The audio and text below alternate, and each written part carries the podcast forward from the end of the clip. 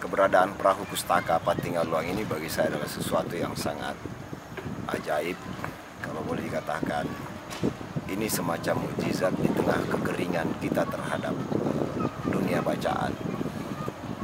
Dengan keberadaan perahu ini harapannya anak-anak di pulau-pulau eh, atau remaja-remaja yang berada di pulau-pulau atau di kawasan pesisir juga bisa menikmati bacaan-bacaan yang bagus, bacaan-bacaan bermutu yang akan bermanfaat dalam meluaskan cakrawala berpikir mereka.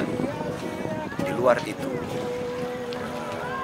buku selama ini kita ketahui menjadi jendela dunia yang membuat kita bahkan bisa menjangkau apa yang selama ini kita tidak temukan. Dipadukan dengan perahu, menjangkau apa saja yang selama ini tidak sulit mungkin, sulit kita bayangkan.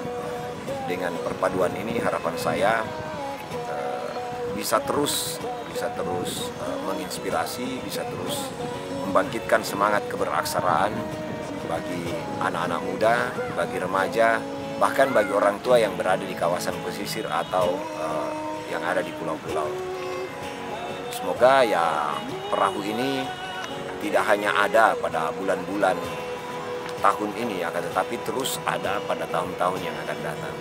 Kalau bisa beranak perahu ini, tidak cuma paket empat tinggal luang satu mungkin nanti akan ada uh, perahu Baharudin Lopa akan ada perahu Matulada akan ada perahu yang lain uh, yang membuat kita bangga bangga terhadap budaya maritim uh, Sulawesi Selatan dan Barat juga bangga terhadap keberaksaraan kita yang telah ada sejak zaman dahulu.